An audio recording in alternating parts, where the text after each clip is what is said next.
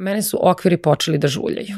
Ja sam verovala da snagom svoje ličnosti, inspiracije, energije mogu da usmerim vodu gde god da treba, samo da mi neko vreme ne pobegne za sva moja interesovanja.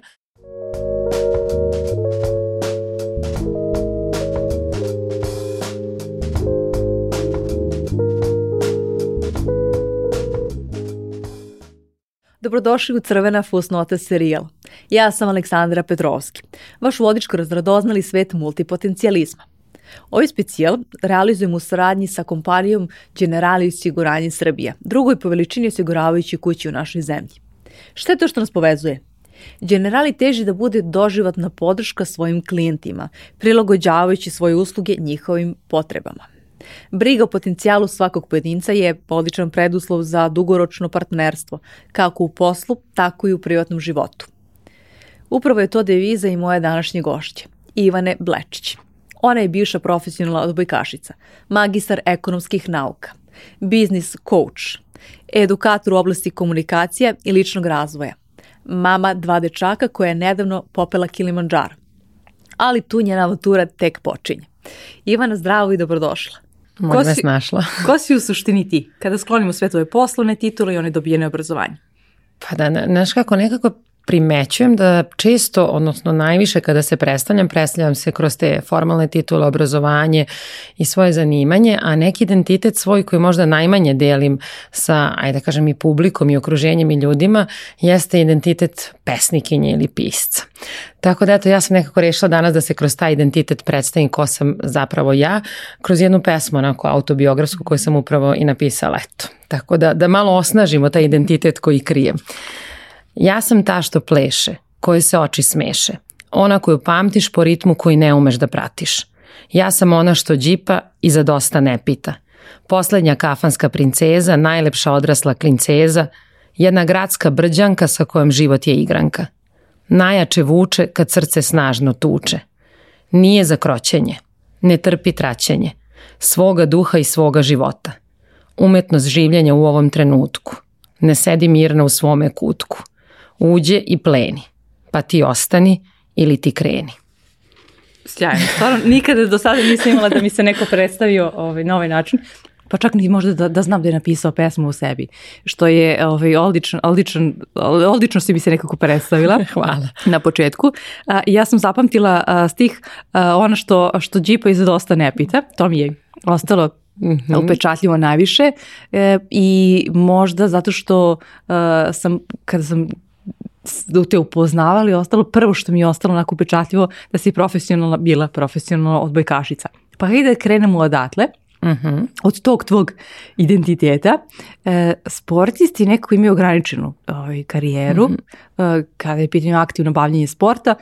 E, ja kao bivši sportski novinar sad obično bez namere da generalizujem, ali kao ima dva pravca. Jedni ili kao osnovnu uh, treneri ili funkcioneri, a drugi ako zarade nekog novca obično ulažu neke nekretnine ili u gostiteljske objekte ti si odabrala i nisi jedina među odbojkaši, odbojkašima, odbojkaščicama koja je odabrala nešto treće. Mm -hmm. I mhm. taj moment da ti znaš da je tvoja karijera ograničena, da ti se daješ maksimalno u tome, ali da moraš i da imaš neku rezervu. Kako to izgleda? Pa ja sam onako uh, od malena trenirala da krenem pre odbojke sve žive sportove. Uh, naš tata ima nas, imam dve sestre i brate i bio je jako podržavajući u tome da mi izaberemo neki svoj put i neki svoj hobi. Tako da ovo ja sam ona što džipa i za dosta ne pita, se ne odnosi samo na odbojku.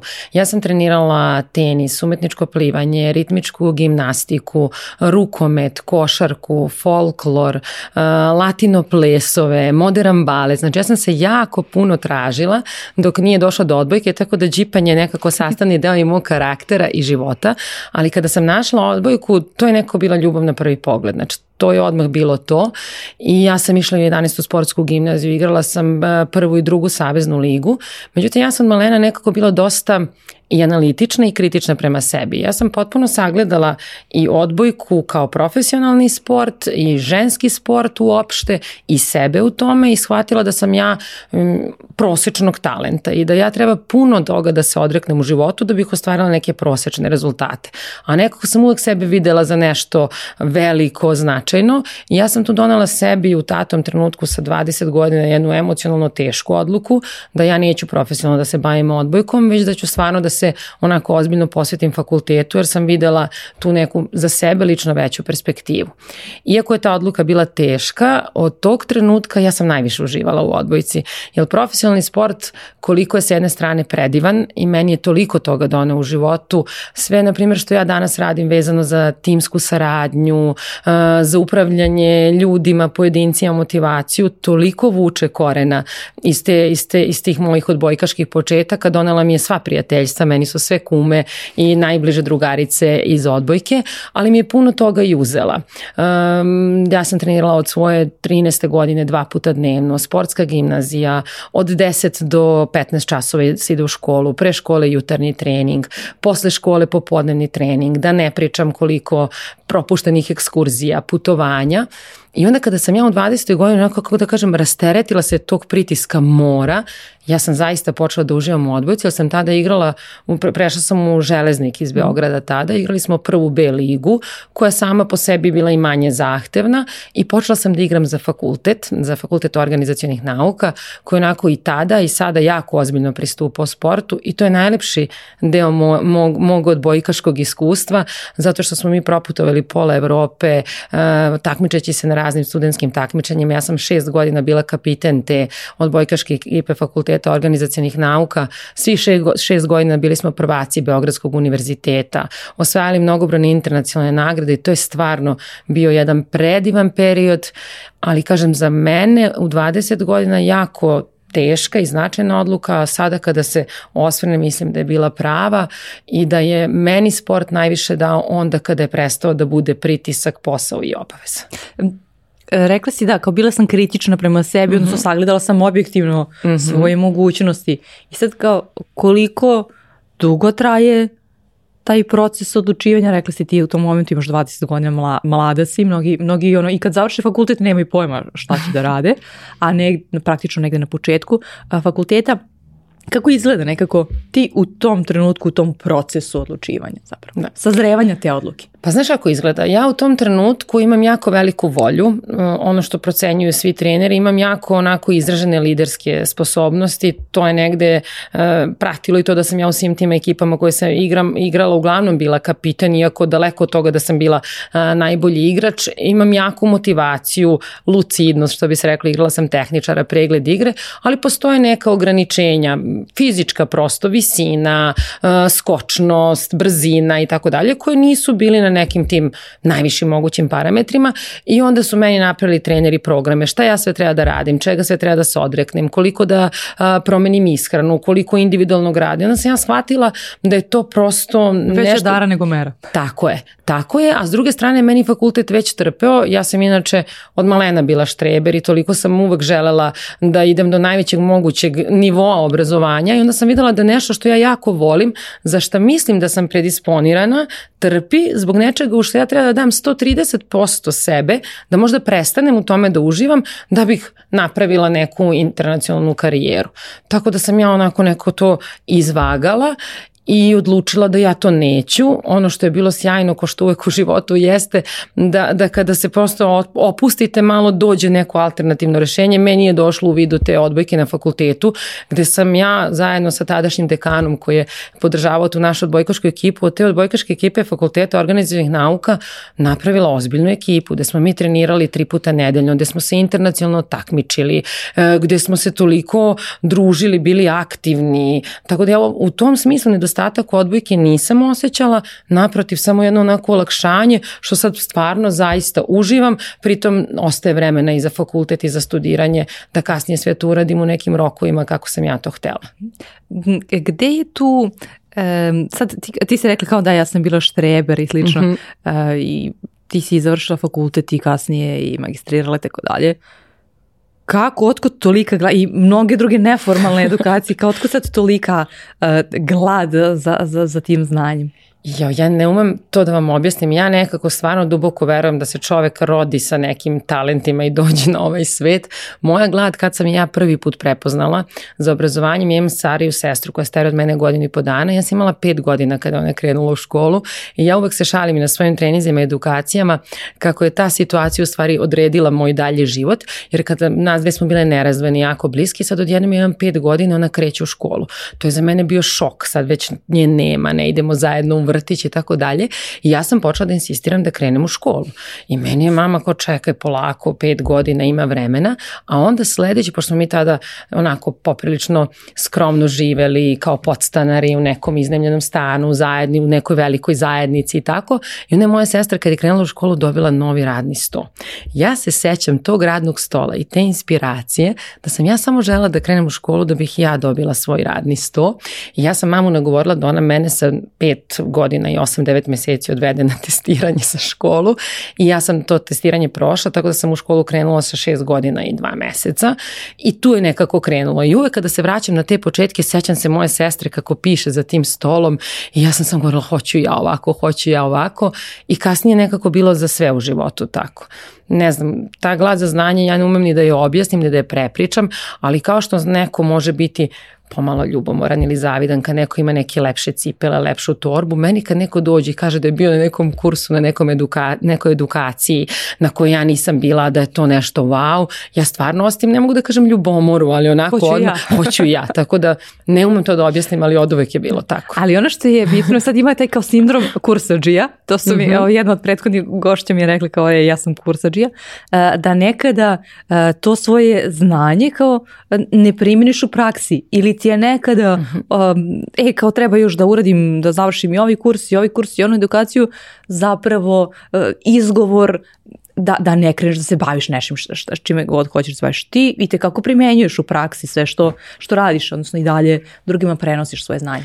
Tako je. Ja nekako sam i taj, tu svoju odbojkašku karijeru i kasnije e, biznis e, karijeru koja i sada traje stvarno koristila kao, ne mogu da kažem, ali trenažni poligon za, za sve što ja učim. Mislim da je to negde ono i gde se polaznici za mene i vežu i gde me pozivaju ponovo da držim neke edukacije i treninge, zato što sam ja to stvarno istestirala u praksi. Ja nisam predavač i trener koji će doći i ispričati ovo bi ovako trebalo i u teoriji ovo savršeno zvuči, već e, kroz svoje treninge vrlo podelim i svoja iskustva i neuspehe i šta možda u teoriji zvuči dobro, ali u praksi kao takvo i nije baš izvodljivo.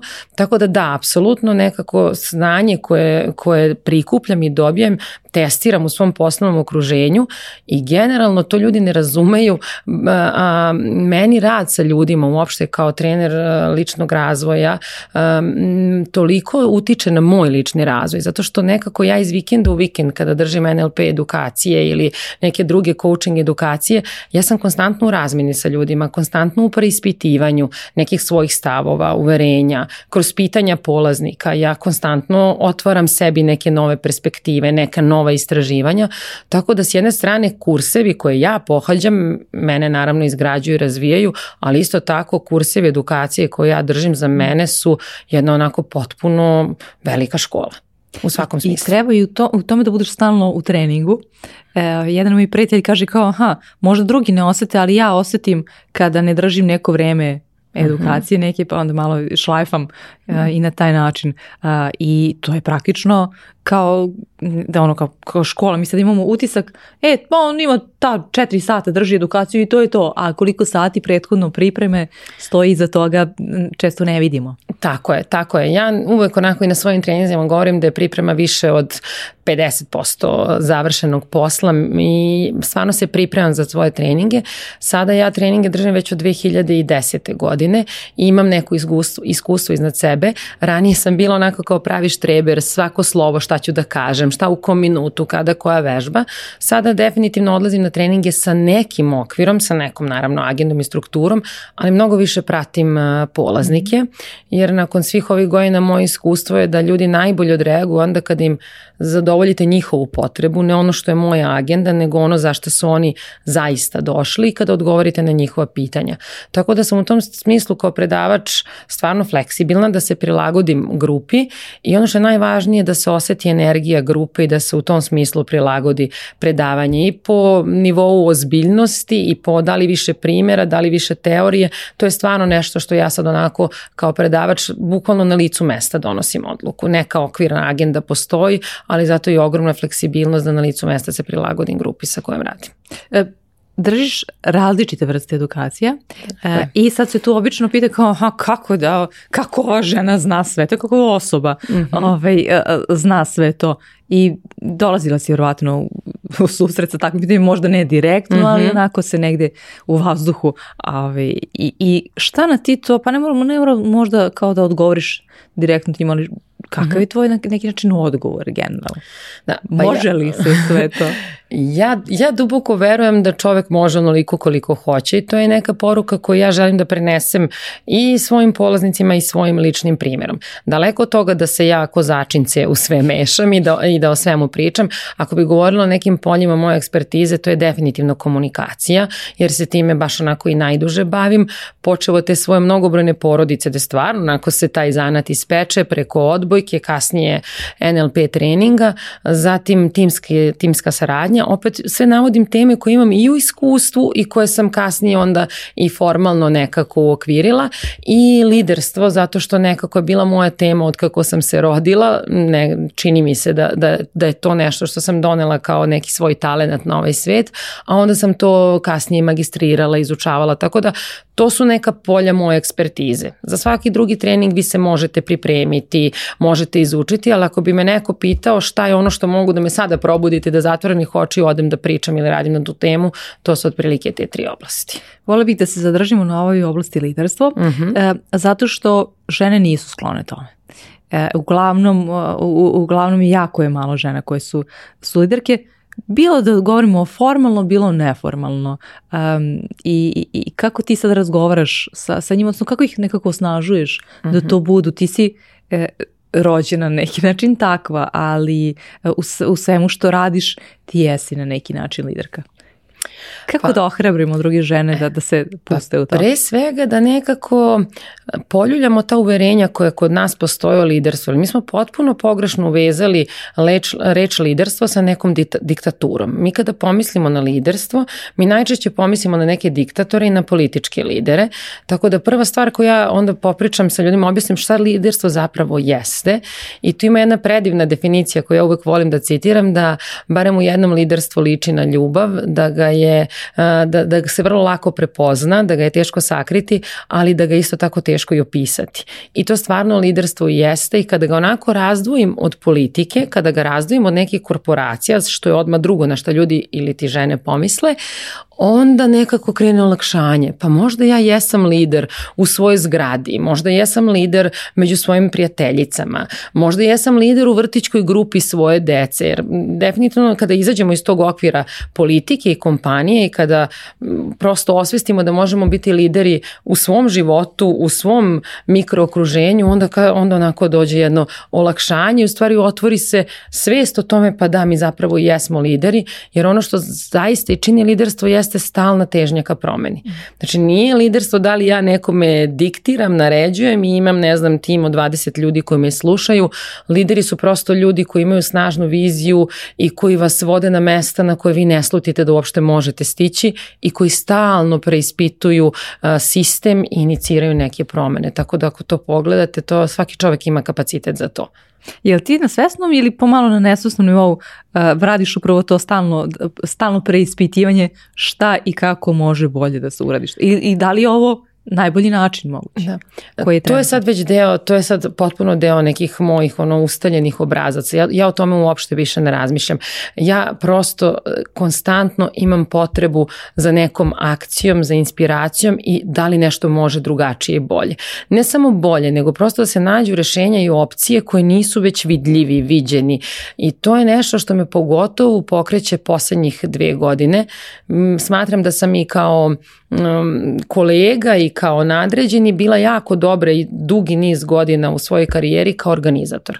Dajte mi projekat, dajte mi ideju, ja ću to da sprovedem i više ništa ne trebate da me pitate i u tome sam zaista uživala. I dalje to postoji u mom iskustvu i dalje mislim da imam kompetencije za to, ali poslednje dve godine mene inspiriše da ja kreiram ideju, da ja utabam taj pravac i to je nekako ja sad mislim za sebe lično neko zrelo liderstvo. Znači do toga da sam ja ranije jako dobro nosila tuđe ideje i umela ljude da motivišem i inspirišem, sada nekako polako, ali to su valjda i godine, dolazim u fazu da, da, da, da su moje ideje ono što, što me nosi, pokreće, inspiriše i to je proces koji se otvorio, počeo od pisanja poezije do kreiranja nekih samostalnih programa, nekih avantura koje sam imala u protekli godinu dana, znači to je prosto, čini mi se da se neka brana spustila i da je proces sada nezostavljiv i ja mu se baš radujem. Mm -hmm. Ali ima nešto što je bilo, ok, to, to, to nije nešto što se dešava preko noći, ali mm -hmm. postoji nešto što je okidač toga i ko te ona, ovaj, gde kao dođe neki trenutak gde se ti samo pustiš naprosto mm -hmm. u to. Mogu da ti kažem da u mom slučaju bilo to, mene su okviri počeli da žuljaju. Ja koja sam onako bila i jesam izrazito timski igrač, odrasla u porodici gde smo mi, kako nas je puno, od uvek imali podelu poslova, ko šta radi. Znači uvek sam bila neko ko jako lepo prati formu, kome ta strukturu, struktura prija i ko još onda svojim ličnim pečatom doprinese toj formi. Kada su me pitali da li želim da budem preduzetnica, ne, meni je odlično u kompaniji, samo mi je važno da nađem kompaniju sa kojom delim vrednosti, u kojoj vlada neka lepa organizacijona kultura, da imam dobre međuljudske odnose. Ja sam ja uživam da radim u timu. Međutim, u ovo poslednje neko vreme kada ja mislim da ovaj moj leadership eksplodira, ako tako mogu da kažem, mene smetaju okviri. -hmm. Ne zato što su oni loši, ali prosto svaka vrsta da mi drugi postavljaju okvire me negde ograničava zato što sputava tu moju kreativnost koja je sada poprilično snažna. E, e, ti si takođe majka dva dečaka. Kažu da, ovaj, da je i to često, kada se neka žena ostari kao majka, da je to često kidač. Mm -hmm. gde je ono kao, kažeš, aha, hoćeš da ostvariš zapravo sebe na neki način. Pustiš, pustiš onu, onu svoju pravu ja i dobiješ neki dodatni motiv. Da za to, jer ima to pa, Znaš kako, moji sinovi imaju 14 i 9 godina, tako da poprilično dugo sam ja majka i ono gde, gde je mene majčinstvo najviše inspirisalo uh, jeste u tome, sada možda će zvučati čudno, u tome da ja budem srećna. Ja nekako znam da deca najviše uče po modelu i da deca uče po onome što mi radimo, a ne po onome što mi pričamo. Ima jedan divan citat, ja obožavam citate Duška Radovića koji kaže kako bi jednostavno bilo vaspitavati decu kada bi se to radilo na osnovu onoga što mi pričamo, ne na osnovu onoga što mi radimo. Nažalost nije jednostavno, deca uče po modelu i meni je jako važno bilo kada sam ja dobila svoju decu da ja budem, da ja njima, da ja budem srećna, jer prvo i osnovno što mi želimo za svoju decu, ali tako svaki roditelj, da mi dete bude srećno. A onda prihvatamo mnogo kompromisa, mnogo toga što ne želimo da radimo, mnogo progutanih reči, neostvarenih ambicija i suštinski ličnim primjerom, ja bar znam dosta majki iz okruženja koje ulaze u sindrom ja sam se zbog tebe žrtvovala, zbog tebe sam napustila karijeru. Onda niko ni srećan u tom Tako odnosu, je. Da. I tako da mene su moje deca na taj način inspirisala da ja stvarno ono, prihvatim da je potpuno okej okay da ja se staram i o svoje sreći, da će to za njih biti najbolji mogući primjer da oni sutra to isto budu i jako su me deca inspirisala da prihvatim različitosti.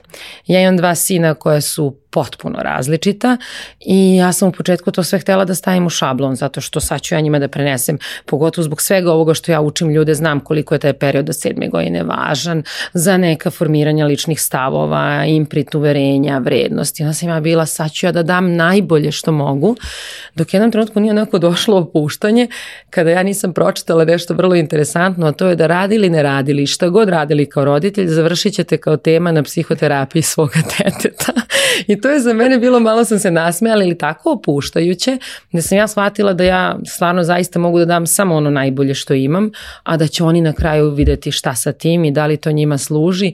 Jako su različiti i ja sada vrlo poštujem njihove različitosti, potpuno drugačije pristupam jednom i drugom detetu, zato što imaju drugačije potrebe, drugačije psihološke motivatore i negde je to za mene bilo najviše, najveće učenje. Ja sam verovala da snagom svoje ličnosti, inspiracije, vibracije, energije, mogu da usmerim vodu gde god da treba, a onda sam shvatila u jednom trenutku možda mogu, ali to ne treba da se radi na taj način.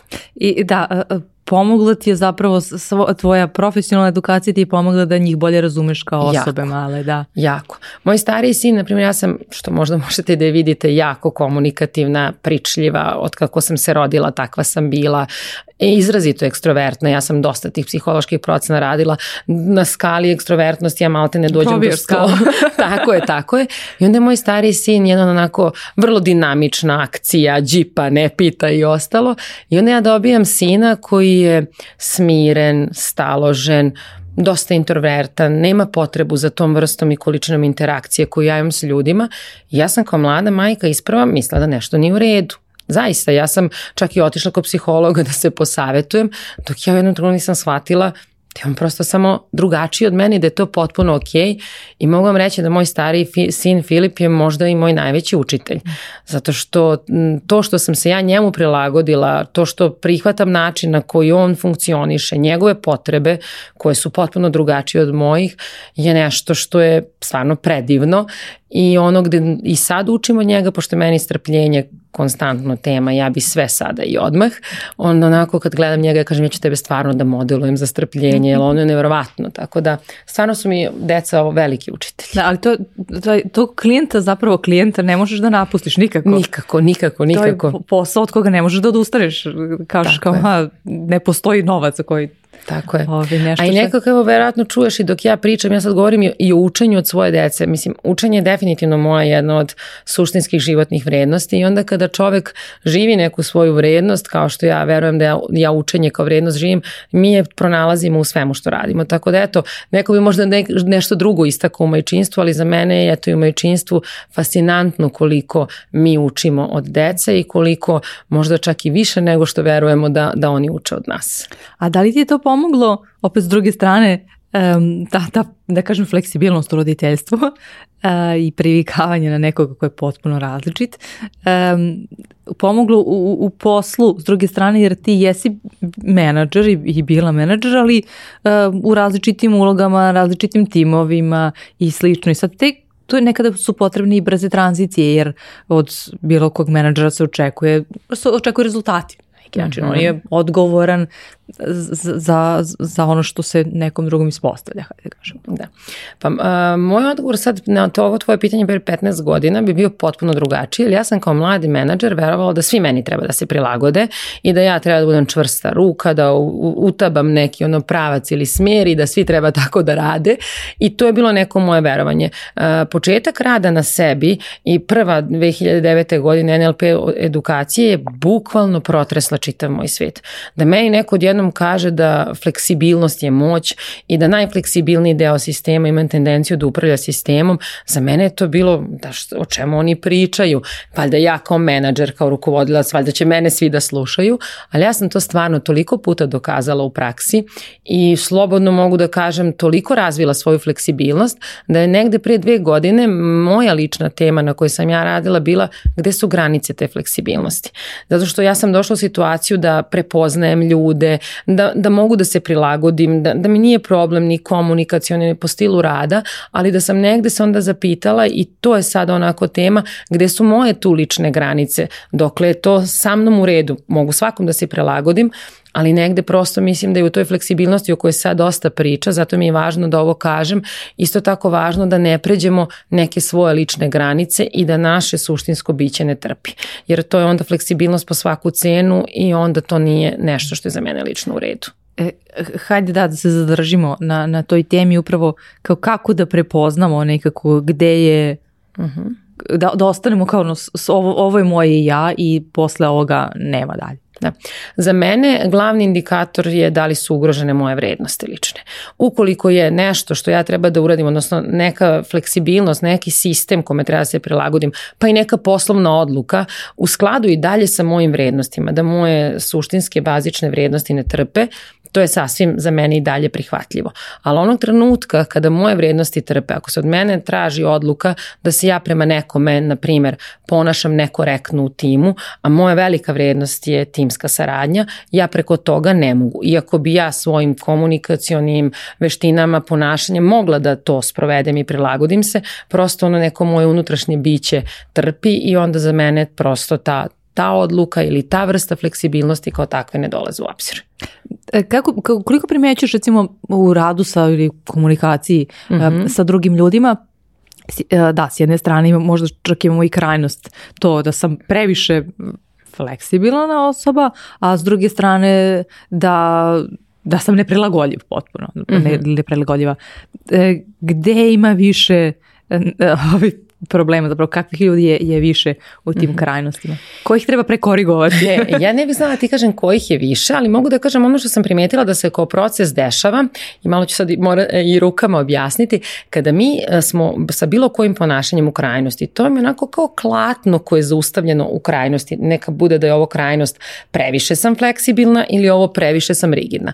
Kad god mi krenemo da radimo na tom ponašanju, znači to klatno se pusti i onda se zaljulja i dodiruje ekstreme do trenutka dok se ne umiri i nađe na nekoj sredini gde treba biti. Tako da ja sam primetila kod previše fleksibilnih ljudi, kad oni krenu da radu na, rade na postavljanju svojih granica, oni u nekom trenutku odu u neku dozu agresivnosti, uh, preteranog sebičluka, ajde da tako kažem, dok se to negde ne postavi klatno, ne smiri kako treba, ili do, kod ljudi koji su bili previše rigidni, strogi i onda u nekom trenutku hoće da, da rade na toj fleksibilnosti, onda potpuno pogube kompas i, i svoje lične granice, ali to je proces koji se u ličnom razvoju stvarno dešava. Za svako ponašanje to klatno mora prvo da ododirne ekstreme, ako smo u nekom ekstremu, da bi se onda našla neka prava mera i rad na sebi je u stvari konstantno traženje te neke prave mere. I koliko, recimo, prema tom nekom iskustvu, naravno sve je individualno mm -hmm. i do mnogo faktora zavisi ili traje taj proces? Mislim, uh. svaka promena i transformacija je nešto što, da bi se utvrdila, što se kaže, treba vremena. Da.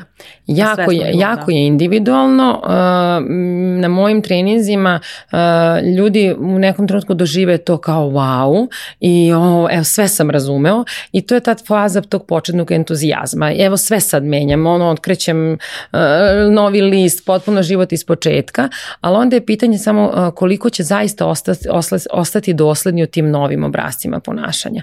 I zato ja nekako uvek postičem ljude da budu u dodiru sa kursađijama, sa literaturom, sa prosto okruženjem koji ih podržava u toj njihovoj promeni, jer ako mi i pokrenemo promenu i neke nove obrazce ponašanja, ukoliko ne postoji doslednost i istrajnost, mi se jako brzo vraćamo starim navikama. Tako i kada menjamo način ishrane, tako i kada ostavljamo cigarete, a tako i kada menjamo neke naše ono suštinske obrazce ponašanja. I uvijek uh, treba da imamo nekoga, bilo bi dobro, da imamo nekoga koje je, onaj, to, to se nekako kaže buddy, uh, odnosno neko kao da je. da kao podržavajuću osobu uh, ovaj, uz nas, da. Tako je. Meni se zato ja jako volim grupne treninge i rad u grupama, zato što s jedne strane e, grupa naravno dobije iskustvo i znanje trenera, ali i ogromnu podršku e, grupe. Zato volim i NLP treninge i PCM treninge koje držim, zato što osim mene kao trenera koja sa njima provedem dva dana ili devet meseci, e, ako govorimo o NLP-u, oni negde dobijaju tu svoju grupu, zajednicu gde oni su jedni drugima podrška, gde komuniciraju svoje uspehe, dele neke svoje nesigurnosti, tako da neko moje iskustvo za ovih e, deseta godina da su koliko god ta, ti polaznici bili podržani sa moje strane, jako, jako snažno bili podržani u, u grupi između sebe.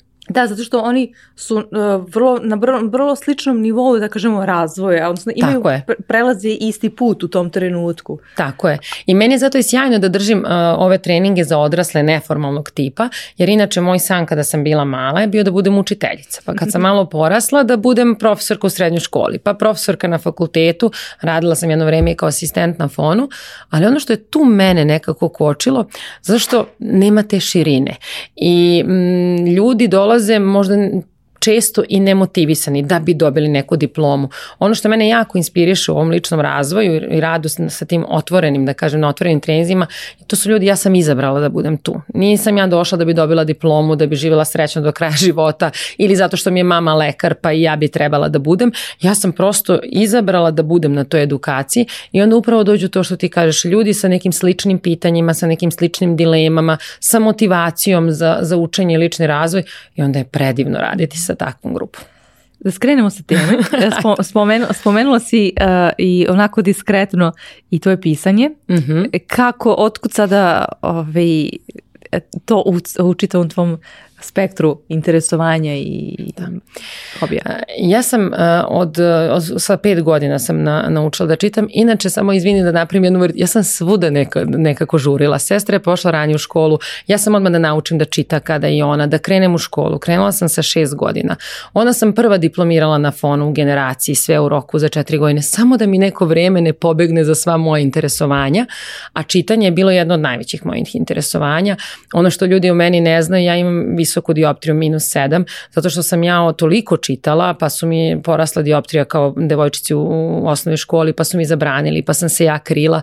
Tako da knjiga i reč je moja ljubav od uvek kako sam prvu pesmu napisala, tako što sam, kako sam uvek imala više interesovanja, te odbojka, te pisanje, razredna je došla i rekla imamo takmičenje, trebate da napišete literalni rad i možete pesmu, a možete i sastav. I ja sam, pošto je bilo lepo vreme, proleće, ja sam rekla, joj daj bolje pesmu, to ću brže, da mogu pred idem napolje da se igram. I tako sam ja napisala svoju prvu pesmu, koja je pobedila na školskom, pa na opštinskom takmičenju, onda sam dobila Kolarčevu nagradu za tu pesmu i tako je to krenulo. Onda je razlika kako sledeći konkurs, ajde Ivana piši, iako odjednom sad ja pesnika nisam ni planirala, do nekog sedmog, osmog razreda kada sam se baš snažno zaljubila i tada niko nije trebao da me, da me podstiče da pišem, znači te pesme su samo izlazile iz mene i tako se nekako rodila Ivana kao pesnikinja.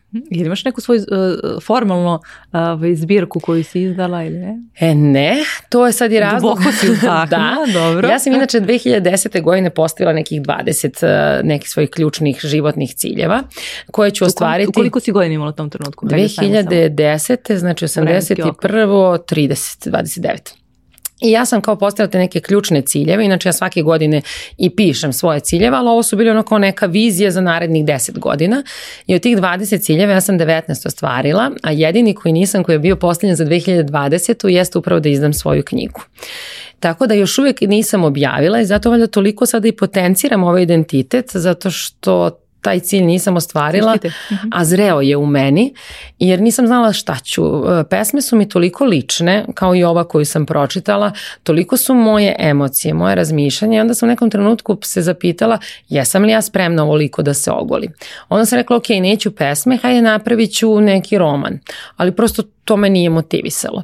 Onda sam rekla, ok, hajde da napravim nekakvu kao učbenik, nešto vezano na temu ličnog razvoja i to mi je kao bilo ok, ali i dalje nije to to. I u nekom trenutku mi je samo kliknulo da bi ja u stvari dobio im knjigu koja, pošto ja inače dosta pišem pesme o ličnom razvoju i svim ovim temama o kojima ti i ja sada pričamo, kako sam ja njih spoznavala, kako sam prolazila i tako dalje.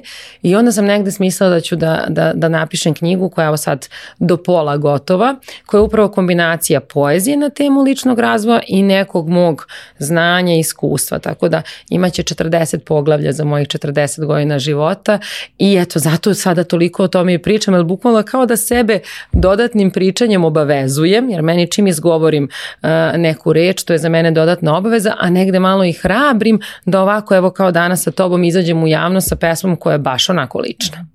E, e, sjajno, zato što prvo, zato što ostvarila si svih tih 19, a sigurno da nisu bile male želje, poznajući evo tada tebe da, nisu da, bile da. Ovaj, male, ali opet s druge strane da, ovo je vrlo, vrlo intimna nekako, mislim i intimna stvar koju, koju, koju želiš da, da objaviš. E, da li je na toj listi e, bilo i osvajanje Kilimanjara?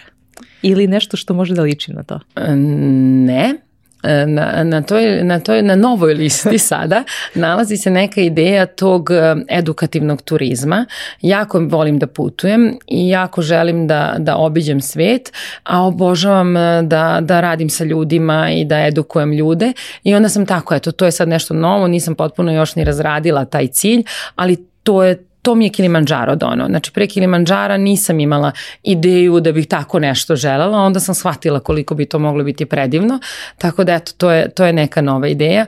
Kilimanjaro nije bio na listi ciljeva, Kilimanjaro se desio slučajno kao podrška prijatelju. znači naš je jako dobar prijatelj, Branko Kokir je rekao da bi jako volio da ode na Kilimanjaro. Mi smo seli, krenuli smo da pričamo o tome, pošto se onako dosta družimo naše porodice. Tvoj suprug iz rukometaš Da, moj suprug je rukometaš kao i Branko tako, ja sam onda rekao, ajde, mogli bismo.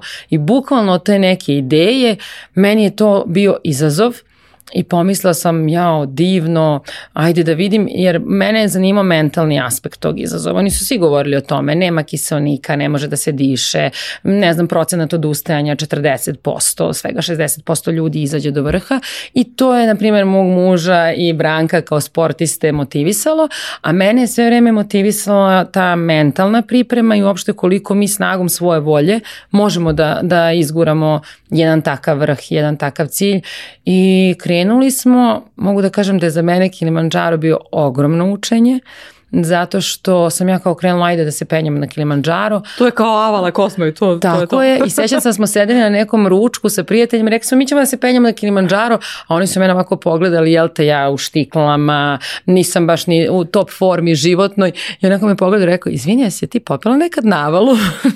ja sam rekla nisam, ali ću se popeti na Kilimanjaro.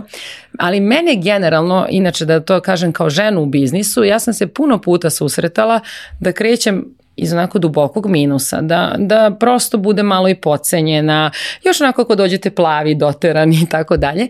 E, mene takve stvari baš inspirišu. Tako je bilo i sa Kilimanđarom, uh, vodič koji nas je vodio, kada smo napravili taj prvi sastanak, bilo je nas dvadesetak i onda on mene kada je video upoznao, ja sam tako po prirodi vesela, možda malo delujem neozbiljna, a zaista nisam. I on je mene... Iz aviona izaći. da, da, i on je onak, ne, on je rekao kao ja nisam siguran da će ova gospođa moći. ta rečenica, ja nisam bila, nisam sigurna da će ova gospođa moći, koja nije čak ni izgovorena meni, nego prijateljima i tako dalje, koji su meni onako zabrinuto prenosili, je mene jako inspirisala. Ja sam sa našim vodičem na Kilimanjaro Davidom umeđu vremenu poslala onako baš dobar drugar, što se kaže, i ja uvek se šalim na tu temu sa njim, zato što je meni to takav vetar u leđa dao da ja pokažem da ova gospođa može sve što hoće. a, a vi ste se jako kratko zapravo pripremali za to ovaj, nekih šest meseci, što je prilično malo.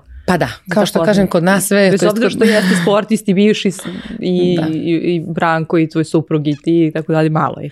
Jeste, ali kao što kažem kod mene u životu sve nekako trenutka odluke ide intenzivno i mi smo krenuli na, na, na te pripreme. Nismo ni znali šta nas, šta nas čeka zaista. Ali da ono jeste, onako, biste.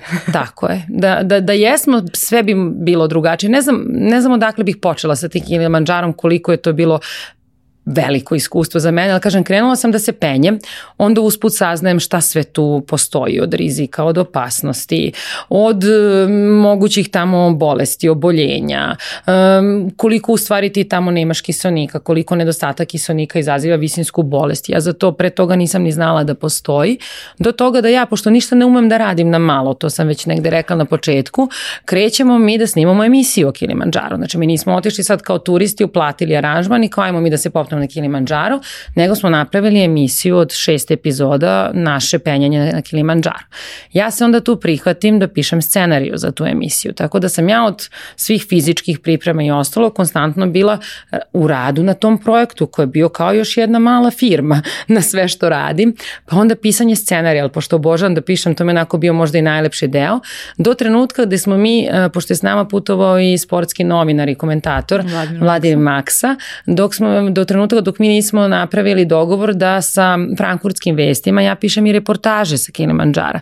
Tako da sam ja odande slala, objavila sam i osam reportaža. Tako da kada sam se ja vratila sa Kilimanjara, ja nekako nisam samo osoba koja je osvojila najveći vrh Afrike, nego neko ko među vremenu postao pisa scenarija, deo projekta velikog pisanja i produ, produkcije jedne emisije i dopisnik e, frankfurtskih vesti. Tako da je to za mene stvarno bilo onako ogromno, ogromno iskustvo u svakom smislu. Ja, e, imali ste mnogo izazova već na samom početku, ovaj, gde, gde ste morali nekako, mislim, čitava ta priprema i kažeš kao šta ste sve saznavali, um, da može potencijalno mm -hmm. da mhm. se dogodi, ali nešto vam se i dogodilo, zapravo gde se treba osigurati na neki način, ideš sa najboljom namerom, ali... Jeste, jeste. Mi smo stvarno bili onako motivisani i stvarno smo se nadali najboljem, ali to ne znači da ne trebamo da, da budemo oprezni i odgovorni. E, mi smo stvarno na, na tom putovanju imali apsolutnu podršku e, generalija i to je ono što je nekako nama stvarno omogućilo da, da mirno spavamo, pogotovo imajući u vidu da je moj suprug mesec dana pred polazak na Kilimanjaro dobio napad slepog creva i imao je operaciju slepog creva i mnogi su i sugerisali da ne bi trebao da, da ide, da je rizično, međutim on je bio rešen da ne odustaje i da krene sa nama. Zatim je vodič, naš glavni David, pred sam, bukvalno 15 dana pred put dobio koronu, od koje se on oporavio na način da je mogao da putuje, ali definitivno je bilo upitno i kako će se on tamo ponašati i snaći naći, tako da mi smo apsolutno bili sigurni da mi nećemo krenuti na takav ozbiljan put bez ozbiljnog partnera i ozbiljne podrške i tako smo se šalili da sad pošto znamo da iza sebe imamo ono snagu krilatog glava da, da možemo mirno da spavamo jer smo stvarno i od Dušana i od cele ekipe iz generali imali uveravanje da imamo i njihove lične telefone da ako bude šta bilo potrebno. Bukvalno do mere su rekli ima poslaćemo helikopter po vas jer definitivno taj izazov je i za zdravog čoveka nešto što je onako poprilično, ne znate prosto kako će organizam reagovati, a pogotovo što smo mi u startu krenuli sa mojim suprugom koji je već bio rizičan zbog te svoje intervencije i sa vodičem koji je nekako isto bilo diskutabilno da li će i kako će moći. Tako da stvarno hvala ljudima iz generalija jer njihovo, njihova sigurnost, njihov profesionalizam i iskustvo je stvarno doveo do toga da mi ne razmišljamo šta ako jer smo znali da imamo vrlo jasno i odgovorno rešenje ako se to ako dogodi. I sada pripremaš i neka nova edukativne putovanja. Tako da si dobila si zapravo i tu još jedan šešir novi organizator putovanja, a ovaj, uključena su, trebalo bi da budu uključeni i klinici, da. odnosno deca. Tako je. Mi smo kada smo se popeli na, na Kilimanjaro, uh, bili onako toliko srećni, zadovoljni. Inače, to bih samo žela da, da dopunim ako mogu. Vodič se nije popeo na, na Kilimanjaro. Upravo, ali ova gospođa jeste. ali ova gospođa jeste i to je sada glavna šala non stop. I ako budeš imala prilike da pogledaš pogledaš našu emisiju, koja je sada pre dva dana je već postavljena ja na YouTube, YouTube. kanal, da, e, zato što je on definitivno na tom poslednjem usponu kada je krenulo da bude baš zahtevno i baš teško, upravo zbog te svoje e, preležane korone i nedovoljnog oporavka, e, počeo jednostavno da ima probleme, ozbiljne probleme sa disanjem i hitno je e, spušten e, u podnožje Kilimanjara, gde smo opet, eto, nažalost, a i na sreću imali priliku da, da, da testiramo usluge generalije, odnosno on je bio smešten u bolnicu, ali s obzirom da smo stvarno imali svu podršku i pokrivenost polisom, dobio je najbolju moguću negu, tri dana je proveo u bolnici zato što ima problema sa pritiskom, sa disanjem, ali sve je to sanirano i rešeno i eto sad na, na kraju i na koncu svega stvarno možemo samo da pričamo o lepim iskustvima. Mm -hmm. ovaj, postoji vlog Kilimanđarenje, tu je takođe i istoimeni YouTube kanal. Tako je. Ja sam videla, bukvalno sam uhvatila u trenutku kada ste vi uploadovali e, ovaj, te mm -hmm. video snimke, uh, tako da pogledat ću, malo sam samo da, da. Ovaj, videla za trenutak Maksu i ostalo mog bivšeg kolegu. Um, reci mi šta je to novo što, što planiraš? E pa da, mi kada smo bili, kad smo sišli sa Kilimanđara, m, pošto nama svima koji smo tamo putovali, jel tako kažem da su porodica Blečić i Kokir bili e, glavni organizatori, e, nama su stvarno onako porodica jako velika i važna vrednost i mi smo, kad, čim smo sišli ponovo u podnože da imamo domet, mi smo krenuli deci, deci da šaljemo fotografije, da delimo, onda smo obišli i safari, oni su vikali, a zašto ne i mi, hoćemo i mi? I mi smo tada nekako shvatili prvo jednu stvar, da ćemo se sigurno vratiti na Kilimanjaro, da povedemo naše klince, a drugo šta je to što sada možemo da, da idemo sa njima i da stvarno prenesemo i na njih ovu ljubav prema planinarenju, jer planinarenje, kako da kažem, ja sam mislila, ma dobro, to je fizička aktivnost, to je mnogo više od toga, to je mentalna aktivnost, to je ponovni dodir sa prirodom, to je ponovni dodir sa ljudima, jel ste upućeni jedne na druge. I onda nekako David je predložio Maroko kao neku destinaciju koja nije preterano zahtevna uh, za decu, tako da mi imamo sada plan negde tamo sredinom oktobra, 15. oktobar, da organizujemo ekspediciju na Maroko, uh, Visoki Atlas, uh, koja će definitivno uključivati porodice. Znači da potpuno, da možemo i mi da povedemo naše klince, ali smo isto tako otvoreni, već smo poslali pozive nekim našim prijateljima, poznanicima, da to baš bude jedna ekspedicija u kojoj ćemo mi i da planinarimo i da obilazimo neke znamenitosti i da se družimo sa porodicom i eto već preliminarno postoji neki dogovor sa generalijem da će nas oni podržati mhm. ponovo i kroz osiguranje, a eto mi smo im takođe uputili poziva koji oni žele nek članovi njihovih, njihovog tima sa svojim porodicama, sa svojim klincima da nam se pridruže da bi nam stvarno bilo zadovoljstvo. A e, otkud sada e, još, još dodatno na sve to što radiš, i spomenula si malo pre i pisala si scenariju i sve, sve, sve, e, potreba da pa digraš na viši nivo tu organizaciju, mogli ste da idete kao ovaj, Blečić, Kokir i to je to, familija jedna i druga, a, ovaj, ali sada se proširuje ovaj, čitava ta grupa da. i slično. Ja ne umam, ja ne umam to da ti objasnim, ali to je onaj deo koji sam rekla i kada smo pričali o odbojci. Da sve moraš na veliko. Jeste, ja ne umam da, da igram na malo, ja to nekako kao da privlačim. Ja kada sam menjala kompaniju 2015. godine, tada sam i, i došla da radim u nemačkoj firmi u kojoj radim sa Brankom Kokirom i ja sam tada rekla, dobro, ovo mi savršeno savršeno odgovara, mala je kompanija, upravo mi to treba, mala su mi deca, da, da imam neki fin tim, da nismo previše, ono, da, da ne traži previše mene. I to je trajalo tako godinu dana, nakon godinu dana se desila ogromna akvizicija u kojoj je naša mala nemačka kompanija uh, u Srbiji uh, akvizirala uh, jednu od najvećih kompanija uh, na, na srpskom tržištu. I ja sam nakon godinu dana ponovo došla u ogromno i u veliko i u projekat i u integraciju, tako da ne umem baš da dam smislen odgovor na ovo pitanje, ali nekako sam uvek u životu igrala na veliko. Mm. To je dalje deo svesnog ili nesvesnog izbora, ali tako je. Takve me stvari pokreću. Ali se pitaš nekada ovaj, i, i rekla si malo pre eh, da, da imaš i taj FOMO u sebi malo, mm -hmm. kao da ću ja da propustim ovo, kao da ću da stignem da naučim i ovo i ovo. Mm -hmm. A, jel se pitaš nekad, ma šta sve o meni treba? Osim te 2015. Zaista dođu takvi trenuci i oni su jako kratki. Ja imam trenutke kada dođem jer moje interakcije sa ljudima, komunikacije, treninzi, individualni, druženja, organizacije, to je toliko intenzivno da, da ja imala sam čak priliku da mi kaže moja jedna prijateljica koja je otputovala sa mnom uh, u Dubaji i ona posle tri dana rekla ja ću se razboleti, ja, ja mogu da izdržim. Tako da ja jesam stvarno intenzivna, ali dođe trenutak kada meni bukvalno treba bateri charging, ja ga jako lepo osetim i to su trenuci kada se ja povučem i nekada se šale ljudi, bukvalno legnem u 8 uveče da spavam i spavam do 10 ujutro sledećeg dana ili se malo sklonim od ljudi u pisanje, u neko čitanje, međutim nekako napune se baterije i ponovo ja, moja priroda, moje biće traži taj intenzitet. Ali ako je to kao za jedan dan da se ti resetaš, to je da super. Jeste. I nekako, um, ne mogu sebe da vidim u jednom. Nikada nisam umela tako, vratno, možda bi to strateški, životno bilo bolje da sam se ja uhvatila jedne oblasti i da sam tu onako potpuno se fokusirala i dala najbolje od sebe, ali mene toliko različitih stvari zanima, od sporta, umetnosti, putovanja, kafana, muzike, pisanja i onda nekako toliko je širok i dubok taj svet i koji može da se i, i proživi i otkrije da ja nisam naučila kako da sebe usmerim i limitiram u jednom pravcu. I ne o, super mi je zato što si na ovaj način, ovaj, kada da kažemo, e, i poentirala, ali kako to izgleda, kako izgleda biti Ivana ono, na dnevno operativnom nivou? Sad si nam ti ovde mnogo toga ispričala i mnogo toga je stalo, pa hajde kažem u proteklih otprilike 20 godina, uh, ali na dnevnom nivou, kako to izgleda?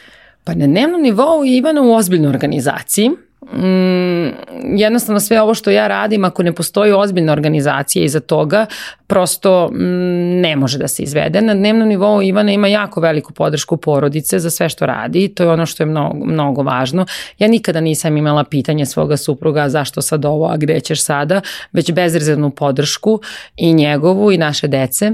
Na dnevnom nivou Ivana ima super dadilju već 9 godina i onda uvek volim da se našalim da sve ovo što ja radim i da ne bi bilo moguće. da, ona. tako je da iza svake uspešne žene stoji dobra dadilja. Šal na stranu, ali dobra organizacija je stvarno uh, ključ svega i ja sam poprilično brz. Prosto nekako tako i odlučujem. Ja nemam vremena mnogo za premišljanje.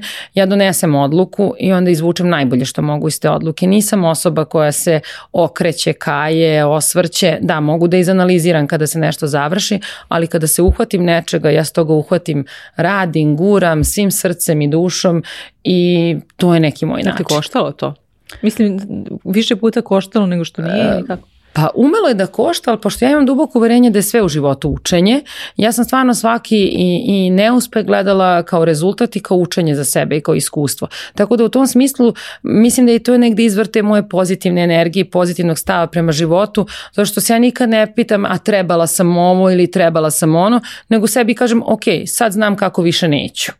I to je neki moj stav. Tako da is, bilo je naravno i neuspeha, bilo je i trenutaka kada sam shvatila da sam možda i vreme i energiju uložila u neke opcije koje to nisu zasluživale, ali prosto i to je bilo jedno veliko učenje. Ja ne umem da prepričam ni jedno svoje životno iskustvo, a da iz njega ne kažem šta sam ja iz tog iskustva naučila, kako me to iskustvo obogatilo, bilo da je to najpozitivnije moguće iskustvo kao što je odlazak na Kilimanjaro ili bilo koje drugo iskustvo koje je po mene bilo nepovoljno.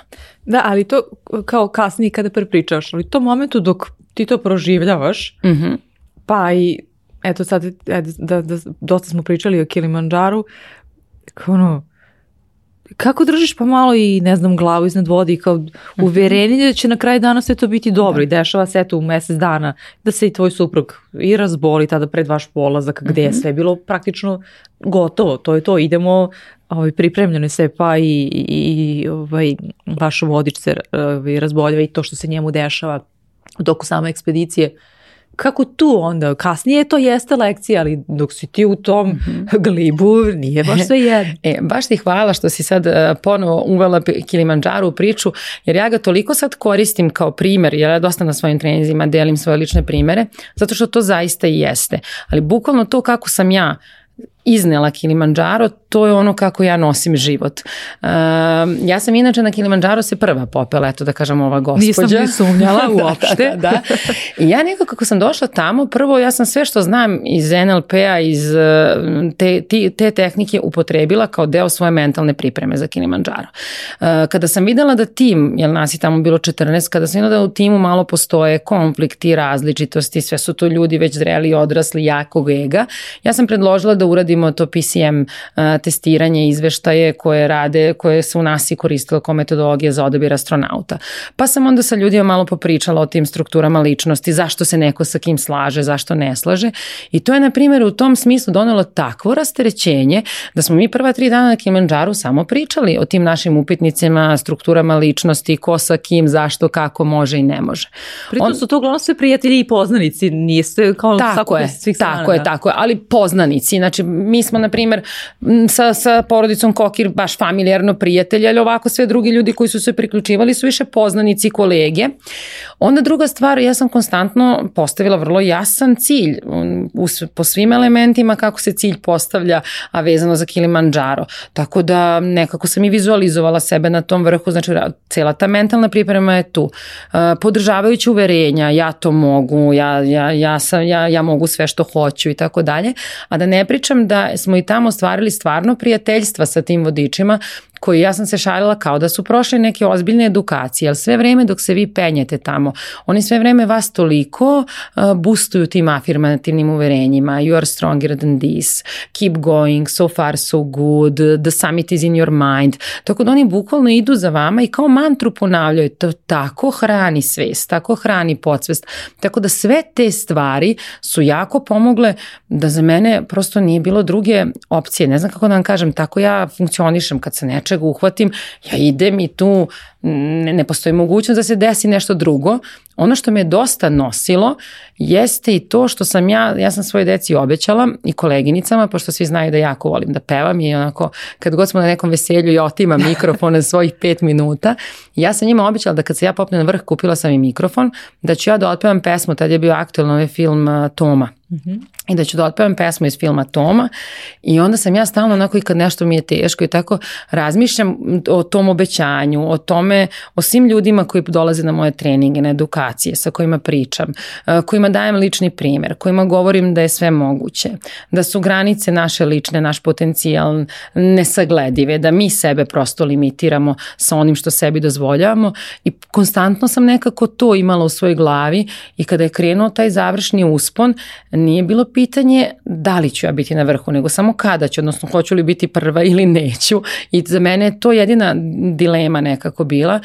I ono što je isto interesantno e, da, da se nadovežem, pošto smo na završnji uspon kretali u ponoć i nas 14 je krenulo, četvoro je odustalo, tako da nas desetoro je uspelo da se popne.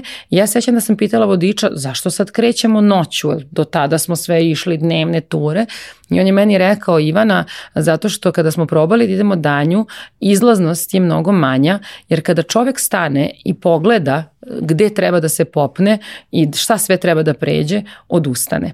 E tako ja i živim u životu. Ja nekako kada vidim vrh, ne, uopšte ne gledam koji je put. Meni ako je vrh dovoljno inspirativan, ako je cilj inspirativan, ja krenem i znam da imam sve resurse potrebne i da ću naći način da savladam svaku prepreku. Jer ako previše analiziramo, onda dođe ono analiza paraliza i kao što i za taj uspon na Kilimanjaro vodič kaže, ako znaš svaki problem koji te čeka ili čekaš da imaš rešenje pre nego što kreneš, najčešće nećeš ni krenuti. E ta, tako ja kao što sam se popela na Kilimanjaro, tako nekako i u životu. Mhm.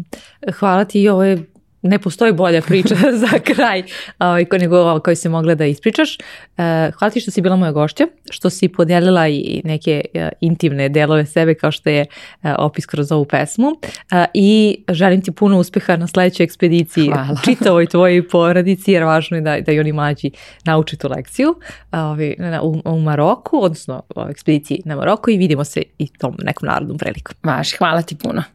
Hvala vama koji ste ispratili ovu emisiju do kraja.